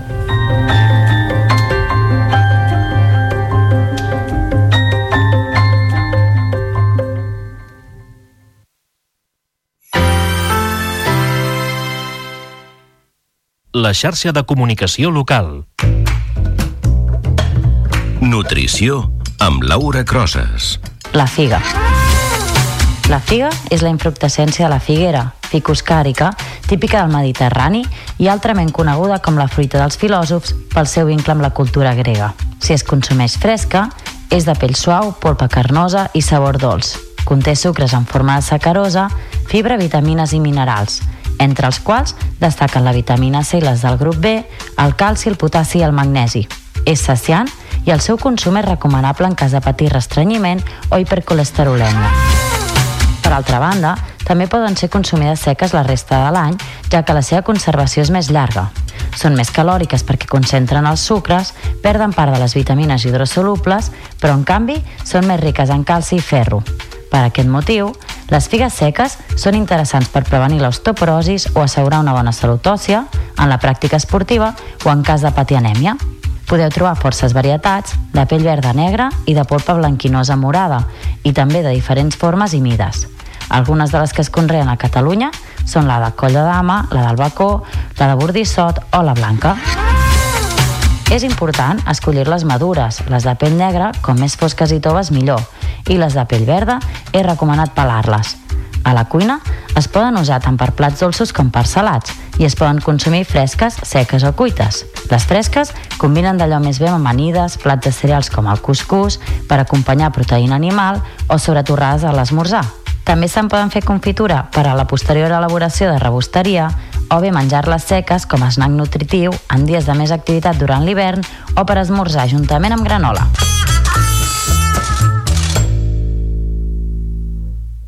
La xarxa de comunicació local.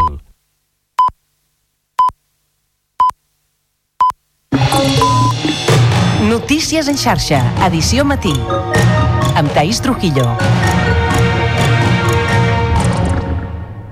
Bon dia, són dos quarts de nou del matí i avui al Notícies en xarxa us estem explicant que aquest matí a Terra Barcelona la delegació d'eurodiputats impulsada per Partit Popular, Ciutadans i Vox per tal d'avaluar el model d'immersió lingüística de l'escola catalana. Són 12 membres del Parlament Europeu que visitaran dos centres del Prat de Llobregat i es reuniran amb el president del Tribunal Superior de Justícia de Catalunya, així com amb entitats com l'Assemblea per una escola bilingüe. També mantindran una trobada amb la consellera d'Educació, Anna Simó, que avui compareix en comissió parlamentària per parlar sobre les proves de competències bàsiques. Encara relacionat amb educació, els sindicats denuncien que algunes empreses estan rescindint contractes de pràctiques d'estudiants. A partir de l'1 de gener, la llei els obligarà a donar-los d'alta a la Seguretat Social i a fer-se càrrec, per tant, de les cotitzacions corresponents. I també us estem explicant que l'alcohol és la droga amb més inicis de tractament a Catalunya segons l'Observatori Català de Drogues i Addiccions Comportamentals. Dels més de 15.000 tractaments per addiccions començats durant el 2022, un 45% van ser per aquesta causa. I en els propers minuts parlarem amb Àngela Coll, que és portaveu de la plataforma Espai Gos, perquè avui entra en vigor a Barcelona el decret que obliga a portar el gos lligat a tota la ciutat. L'Ajuntament desplega les anomenades zones d'ús compartit per a gossos, on podran anar deslligats durant determinades hores del dia. I en esports, el Barça manté l'hegemonia. A la Copa d'Espanya d'handbol, l'equip va sumar el títol per 13è cop consecutiu amb un triomf sobre el Logroño per 31 a 28 a la final. L'equip tanca una primera part de temporada immillorable en què també és líder a la Lliga i a la fase de grups de la Champions. I Doctor Prats ha tancat la seva gira a Terrassa on s'ha acomiadat temporalment dels escenaris. Els agarencs han dit adeu fins a la primavera del 2025 amb un concert a la plaça Nova plena a vessar i on s'han escoltat himnes de la banda com Ara, Caminem lluny o Les nits no moren mai. Notícies en xarxa, edició matí. Avui arriba a Barcelona la missió d'eurodiputats que impulsa el PP, Ciutadans i Vox per avaluar el model d'immersió lingüística de l'escola catalana. Els 12 eurodiputats que en formen part tenen una atapeïda agenda de reunions i de trobades a partir d'aquesta tarda i fins dimecres. Visitaran dos centres educatius del Prat de Llobregat i faran també una compareixença informativa abans de marxar. Grups d'Esquerra han denunciat el que consideren una visita amb biaix clarament ideològic. Ens en parla l'Anna Ruiz. La consellera es reunirà amb els eurodiputats, tot i no estar gaire entusiasmada amb la missió europea. La Comissió de Peticions del Parlament Europeu. És demencial aquesta visita, demencial. La missió europea aterra avui a Barcelona com a conseqüència del treball de l'Assemblea per una escola bilingüe, que va començar les gestions davant el Parlament Europeu l'any 2017. Ana Losada va aconseguir que la Comissió de Peticions de la Cambra Europea acceptés el tràmit en la demanda per examinar el model d'immersió. Nosotros estamos esperanzados con esta misión y creemos que, que va a ser imposible digamos, ocultar lo que ocurre en la escuela en Cataluña. La previsió inicial és que la missió dels 12 eurodiputats tingui enllestides les seves conclusions i posi nota a la immersió abans del mes de maig del 2024. Sigui quin sigui aquest anàlisi final, no es tractarà d'un informe vinculant, però sí podria despertar l'interès d'altres comissions al Parlament Europeu. Una setmana marcada per l'ensenyament perquè justament avui la consellera d'Educació, Anna Simó, compareix en comissió parlamentària per informar i valorar els resultats de les proves de competències bàsiques del curs 2022-2023. Aquesta compareixença arriba un dia abans de la cimera de partits convocada pel president de la Generalitat, Pere Aragonès, per abordar els resultats de l'informe PISA. El govern hi reivindicarà, entre altres qüestions, els compromisos i acords del ple monogràfic sobre la situació de l'educació i el sistema educatiu, fet al Parlament abans de l'estiu. I els sindicats denuncien que algunes empreses han rescindit contractes de pràctiques d'estudiants. A partir de l'1 de gener, les empreses que tinguin, que tinguin estudiants de formació professional treballant-hi els hauran de donar d'alta a la Seguretat Social. Són uns 150.000 alumnes a Catalunya i el sindicat UGT adverteix que hi haurà problemes de gestió. Jesús Martín, responsable de formació professional de la UGT Serveis Públics, ha demanat flexibilitat a totes les parts. Ho ha dit en declaracions fa una estona aquí al Notícies en xarxa i ha rebutjat l'actitud que ha tingut l'empresariat cap als estudiants i també la falta d'acció del Departament d'Educació. És un fet totalment lamentable que les empreses no apostin per la formació professional quan el nostre país necessita persones ben formades i elles són les primeres en queixar-se que no tenen mà d'obra qualificada. També he de dir que la Conselleria d'Educació s'ha adormit. El que no es pot fer és eh, esperar fins l'última hora, perquè, aviam, ara ens trobarem que la Seguretat Social estarà totalment col·lapsada per poder inscriure tot l'alumnat.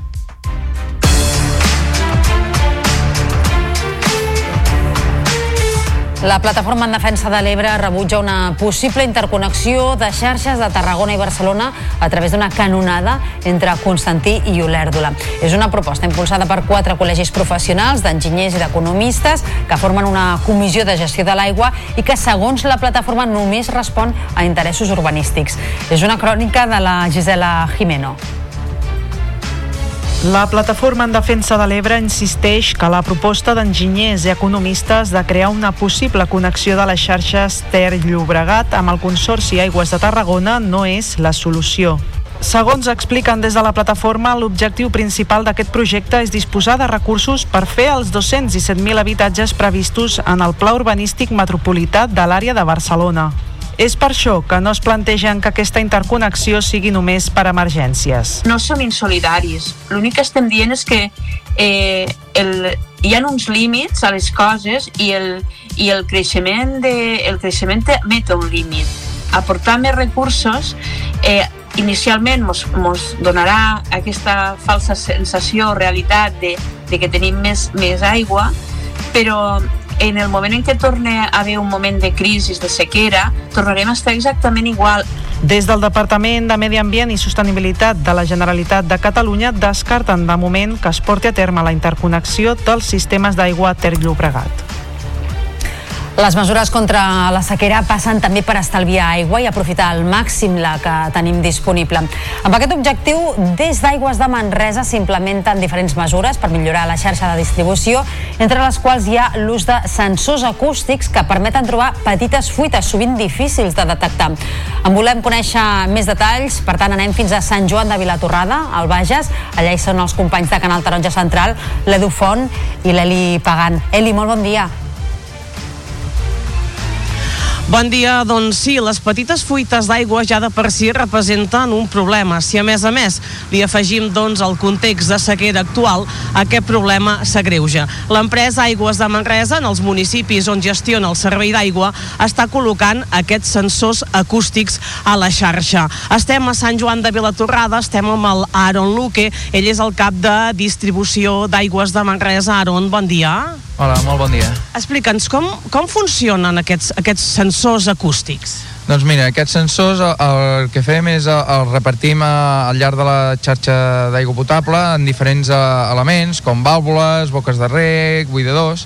Llavors el que consisteix aquests sensors és que eh, a la nit doncs, es posen en funcionament entre ells i es comuniquen i llavors, eh, segons la, la freqüència d'ersos que, que generen, doncs eh, podem detectar si hi ha una fuita o no.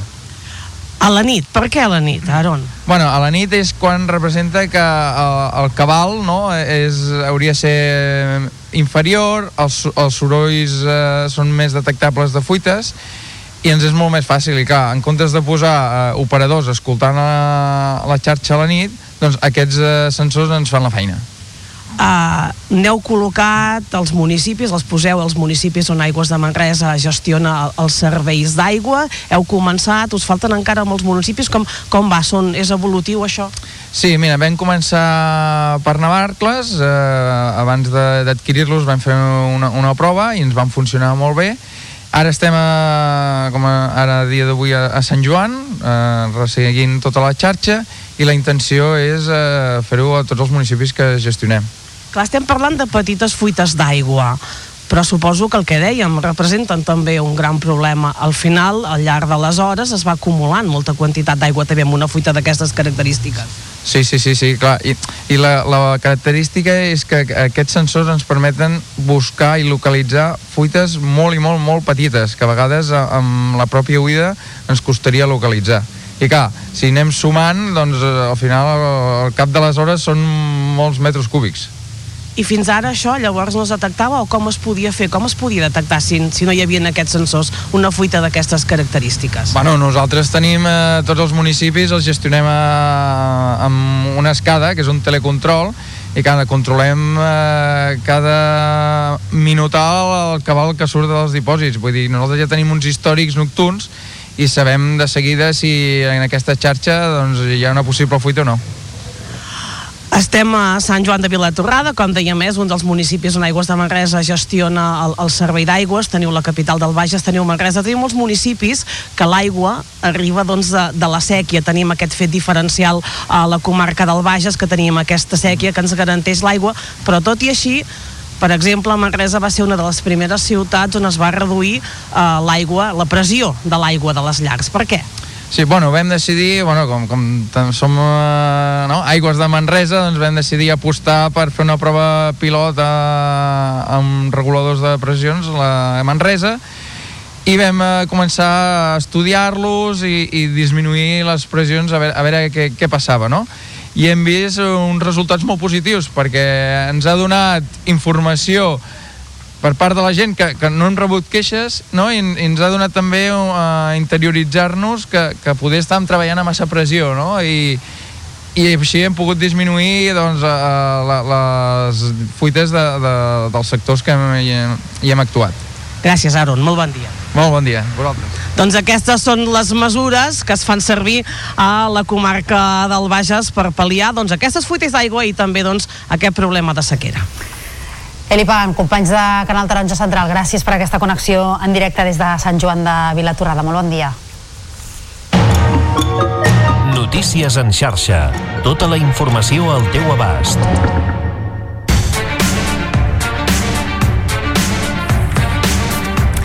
Pràcticament tres quarts de nou del matí, falten tres minuts. L'alcohol es converteix en la droga amb més inicis de tractament a Catalunya, segons l'Observatori Català de Drogues i Addiccions Comportamentals. De les més de 15.000 teràpies per addiccions començades durant el 2022, un 45% va ser per aquesta causa. Tot i que els homes predominen en aquest tipus de tractaments, cada vegada es detecten més casos de dones que volen deixar l'alcohol. És una crònica de la Gisela Jimeno. El 73% de persones que decideixen començar el tractament per alcoholisme són homes amb una mitjana d'edat de 47 anys. Això es deu, segons els especialistes, en un fet cultural on les dones ho fan d'amagat per un sentiment de culpa. Els homes se'n van al bar, els homes eh, estan amb els amics. L'alcoholisme de les dones és típicament un alcoholisme amagat amb un tant per cent molt, molt alt de casos, són dones que veuen un cop han fet la feina de casa, un cop tot està organitzat i quan tothom se'n va a dormir, treuen l'ampolla de sota la pica i comencen a beure. No obstant això, els experts destaquen com està canviant el perfil dels pacients on els menors d'edat tendeixen a igualar els homes adults en el consum de drogues legals com el tabac o l'alcohol. Amb algunes drogues com el tabac fumen més les noies que els nois, eh? però amb l'alcohol ja t'ho dic, és una, és, el, el problema és la manera d'anar a festa. Pel que fa als tractaments per addiccions comportamentals a Catalunya, s'han notificat 914 casos per primer cop, 690 dels quals per problemes amb els jocs d'apostes, seguit per l'ús de videojoc o l'addicció al sexe amb 54 casos. També reflecteixen que la cocaïna continua sent la segona droga amb més inicis de tractament. Seguidament es posiciona en tercer lloc el cannabis, destacant en la franja d'edat més jove amb gairebé 1.900 casos. La Marató per a la Salut Sexual i Reproductiva ha recaptat més de 5.700.000 euros. Aquesta nova edició audiovisual de la cita solidària s'ha combinat amb activitats al carrer arreu del territori i ha servit per parlar sense tabús sobre aquestes malalties que afecten 3 milions de persones a Catalunya. Cada any es detecten 210.000 casos nous. El programa de TV3 i Catalunya Ràdio, en què ha col·laborat la xarxa, s'ha fet des d'una mirada femenina i amb la vocació d'arribar als joves. Durant més de 17 hores s'han ofert els testimonis de persones que pateixen alguna malaltia relacionada amb l'aparell sexual o reproductiu i també entrevistes, experts i actuacions musicals que han amenitzat la jornada.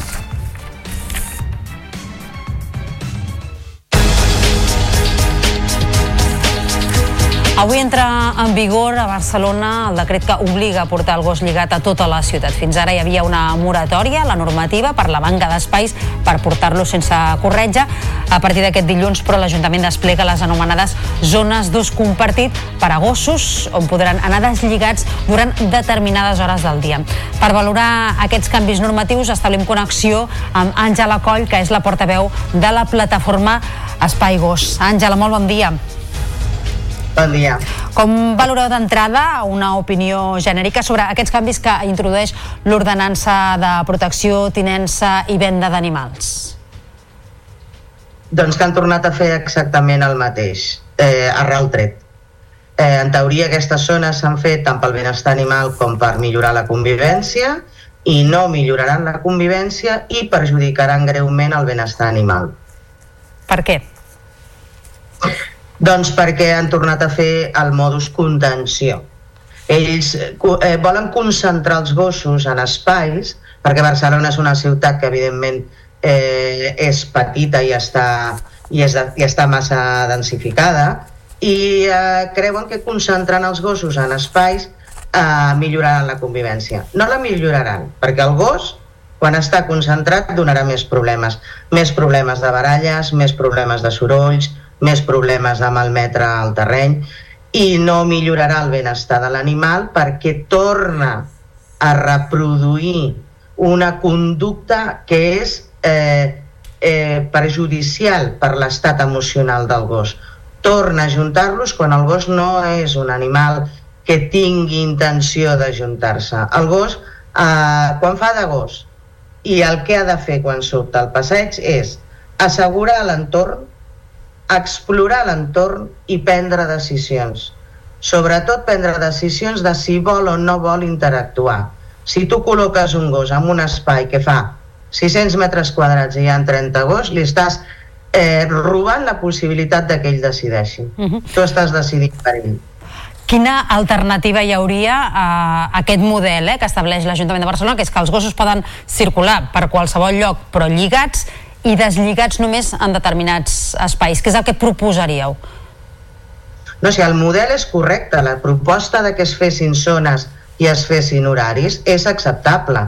El problema no és aquesta proposta, sinó com l'han pervertit i han tornat a concentrar-los en espais petits i que no afavoreixen en absolut eh, les conductes naturals de l'espècie, tot i que la pròpia normativa diu que s'han d'afavorir aquestes conductes. Aleshores, el problema és d'espais, dels espais que han triat. Són o sigui, pocs? nosaltres podem eh, la majoria. La gran majoria són espais que són petits, que no ofereixen eh, alternatives al gos per distreure's amb coses que no siguin els propis gossos que hi ha a l'espai i per tant el que estan fent és generar estrès als gossos que acordaran més, que estaran més neguitosos i per tant no, ni, ni benestar ni convivència es donaran en aquests espais. Què és el que fareu, Àngela, per, eh, per protestar o per mostrar aquest descontentament? La veritat és que de moment el que farem és, eh, bueno, nosaltres ja ho vam dir, que, que això patarà. I de moment el que farem és continuar eh, estudiant què faran, eh, què, què passarà amb aquestes zones. De la mateixa manera que l'Ajuntament està fent els seus estudis, nosaltres farem els nostres i a partir d'un temps prudencial doncs tornarem a intentar que entrin amb raó i sobretot, sobretot que facin cas als experts. És que no estan fent cas als experts. Aleshores és com, bueno, és lo típic, el problema dels gossos, què fem? Ai, mira, fem això. Mira, no, o sigui, els problemes els has de resoldre. No estàs resolent res, estàs complicant la vida a la gent i, i tindràs el doble de problemes. Per tant, la teva feina com a administració no l'estàs fent ben feta. Ja seria hora de que la comencessin a fer bé i escoltessin els experts, perquè no els estan escoltant. No ho estan fent eh, escoltant els experts. Ho estan fent per treure's un problema de sobre. I quan un es vol treure un problema de sobre, no soluciona el problema. N'anirem parlant, eh? Àngela Coll, eh, portaveu de la plataforma Espai Gos, estarem pendents de, de, de com funciona aquesta normativa i aquestes eh, sancions i també dels vostres estudis. Que vagi bé, fins a la propera. Moltes gràcies. I encara parlant de gossos, ha que no només són animals de companyia, sinó que, a més a més, treballen. Aquest és el cas de la Roma, una gossa que serà ensinistrada per formar part de la unitat canina de la policia local del Vendrell. La Sílvia Martínez, de Televisió del Vendrell, l'ha anat a conèixer. És aquest cadell de pastor alemany que serà la primera incorporació de la unitat canina. Ara només té 3 mesos i s'està familiaritzant amb els dos agents de policia que la guiaran, però en uns mesos tindrà una funció molt concreta. Començarem a, després de festes a l'ensinistrament, el farem aquí a prop de, del Vendrell i durarà uns 8 mesos, un any. Llavors, amb aquesta gosseta el que es pretén és eh, búsqueda de substàncies estupefaents. Ens ajudarà a seguir amb la lluita contra el tràfic d'estupefaents, amb la lluita contra el tràfic de drogues per tenir uns carrers més segurs, uns carrers més ordenats i uns carrers on la seguretat sigui primordial i fonamental per garantir la convivència als nostres carrers i barris. L'objectiu a mig i llarg termini és anar ampliant aquesta unitat d'intervenció canina perquè tingui més abast, perquè arribi a més llocs i perquè tingui més objectius. El regidor de la policia local del Vendrell va anunciar el passat mes de setembre que el cos tindria una unitat canina de suport a la lluita contra el tràfic de drogues i la criminalitat al municipi.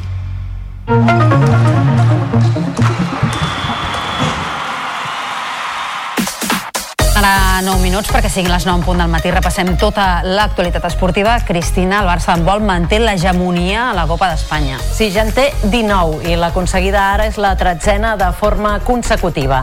L'equip laurana va guanyar el títol amb una victòria a la final sobre el Logroño per 31 a 28. Després d'un inici força igualat, els blaugranes van mantenir-se per davant en el marcador durant gran part del duel, malgrat no distanciar-se gaire. Aleix Gómez amb 8 gols va ser el màxim anotador seguit de Dicamem amb 7. També va destacar l'actuació sota pals de Gonzalo Pérez de Vargas. L'entrenador Carlos Ortega analitzava la final. Creo que hemos acabado de manera brillante ante un grandísimo rival que ha jugado buen balonmano, que nos ha puesto las cosas difíciles. Hemos llevado siempre la iniciativa, hemos sido 8 arriba a mitad del segundo tiempo, así, y ellos la verdad que han apretado al final y, bueno, se han acercado al marcador, pero creo que el partido está totalmente controlado. Cierto es que la distancia final ha sido solo de tres goles. ¿no? El Girona ha de guanyar aquesta nit a l'Alavés a Montilivi per recuperar el lideratge de la primera divisió de futbol. La victòria del Real Madrid sobre el Villarreal per 4-1 ha situat els blancs provisionalment primers amb un punt més que els blanquivermells. Els gironins tenen la baixa d'Estuani per sanció i el dubte de Sigankov. Després de la victòria sobre el Barça, els de Mitchell confien obtenir un nou triomf i recuperar l'avantatge sobre l'equip madridista. Un triomf del Girona allunyaria encara més el Barça de les primeres posicions. L'ensopegada València fa que els de Xavi puguin tancar la jornada a 9 punts del lideratge en cas de victòria gironina. D'altra banda, l'equip blaugrana coneixerà aquest migdia el rival als vuitens de final de la Lliga de Campions. El sorteig es farà a Nió a partir de les 12. Els possibles encreuaments són contra el PSG, l'Inter de Milà, el Copenhagen, el PSV Eindhoven, el Nàpols, la Lazio i el Leipzig. Jonathan Giraldez aclarirà avui el seu futur en una roda de premsa convocada a les 11 del matí. Tot apunta que el tècnic que acaba contracte el proper estiu no seguirà el proper curs a la banqueta blaugrana i marxarà a la Lliga nord-americana. Ahir l'equip va sumar un nou triomf a la Lliga F, on manté el ple de victòries. Va guanyar el Costa d'Eje Canari per 0 a 2 amb les dianes de Hansen de penal i Keira Walsh. La victòria manté l'equip amb 9 punts de marge sobre el segon, que és el Real Madrid.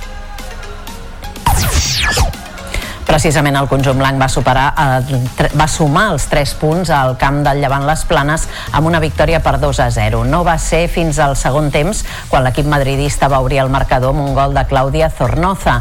El segon va ser de penal transformat per Olga Carmona. Malgrat la derrota, les de Sant Joan d'Espí continuen en una còmoda vuitena posició a la taula. A la Lliga ACB de bàsquet, el Barça es va refer de les tres últimes derrotes consecutives guanyant el Bascònia per 82 a 62. Aquest cop el conjunt de Roger Grimau va fer una bona defensa al gran dèficit de les últimes setmanes i va arribar a guanyar de 30 punts. Els blaugranes Parker i Hernán Gómez van ser els màxims anotadors dels locals amb 14 punts cadascun, mentre que Howard va mantenir en vida els bascos amb 24 punts. I el duel català Fontejau, victòria del Joventut per 67 a 82 en un duel directe per les places de Copa. La primera meitat va ser igualada fins que Andrés Feliz va començar a obrir diferències. Els gironins van reaccionar, però de la mà d'Andrews, la penya va sentenciar el darrer quart. Feliz va ser el millor dels verdinegres amb 16 punts i un 25 de valoració. Sisena victòria consecutiva per al Joventut, que és setè, mentre que els gironins cauen a l'onzena plaça. Doncs, en places de Copa, el Joventut, el Baxi Manresa i també el Barça. Gràcies, Cristina, que vagi bé. Fins demà. Fins demà. Nosaltres ara us expliquem que després de 8 anys, Doctor Prats fa una aturada en el camí per agafar aire i retornar al 2025. Ahir van fer el darrer dels seus concerts a Terrassa, la seva ciutat natal, i van anar els companys de Canal Terrassa. Terrassa ha acomiadat amb tots els honors el seu grup de música. Doctor Prats ha posat punt i a part a la seva trajectòria musical amb un multitudinari concert a la plaça Nova de Terrassa. Una ballada plena de sorpreses que ha fet vibrar d'emoció a tots els assistents. Co- eh, sigui, acabem allà on vam començar, eh, amb la família, amb, amb els col·legues de tota la vida, amb molta gent coneguda. Una festa on el conjunt ha interpretat els millors èxits dels quatre àlbums publicats al llarg d'aquests darrers vuit anys. Al vespre musical s'hi han afegit artistes convidats per acomiadar els agarencs com Guillem Voltó, David Rosell, Miqui Núñez, el Sense Sal, La Fúmiga o Miquel del Roig, entre d'altres. Segons els membres de Doctor Prats, Terrassa, com a capital de província, ha estat la darrera de les quatre ciutats on el grup ha actuat en la minigira anomenada Adeu, fins aviat. Ara faran una aturada de dos anys per retornar sobre dels escenaris i amb més força que mai el 2025. Doncs amb música hem arribat al final del Notícies en xarxa d'aquest dilluns eh, 18 de desembre. Tornem demà a primera hora del matí amb més informació de territori. Que passin una molt bona jornada. Adeu.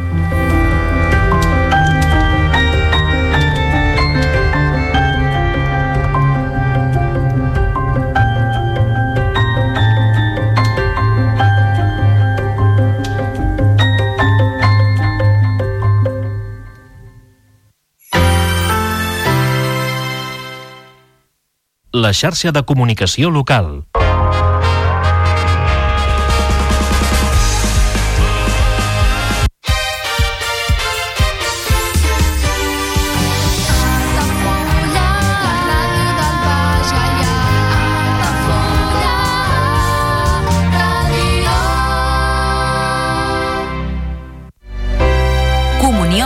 2024. Dates ja disponibles amb sales privades, jardí, pàrquing privat i la millor gastronomia. Més informació i reserves al 977 65 11 55 i a comercial arroba altafullamarotel.com o al web altafullamarotel.com. Les teves celebracions familiars a l'Altafulla Mar Hotel.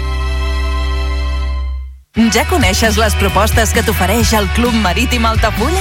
Vine i descobreix totes les nostres activitats. Sortides en caiac o pa del surf, cursos de vela per a totes les edats. No t'ho perdis i gaudeix d'un dels esports més segurs d'aquest any. Club Marítim Altafulla. Obert tot l'any i per a tothom.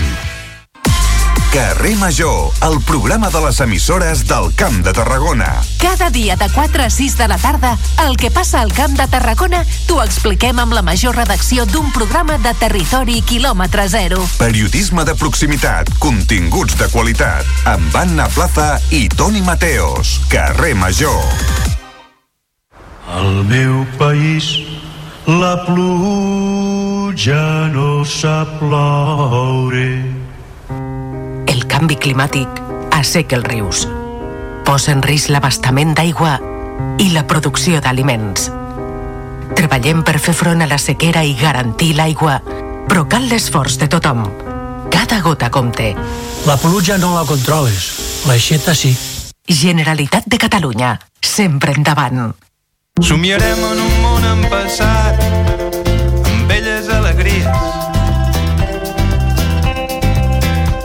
Cantarem a records oblidats que s'il·luminen.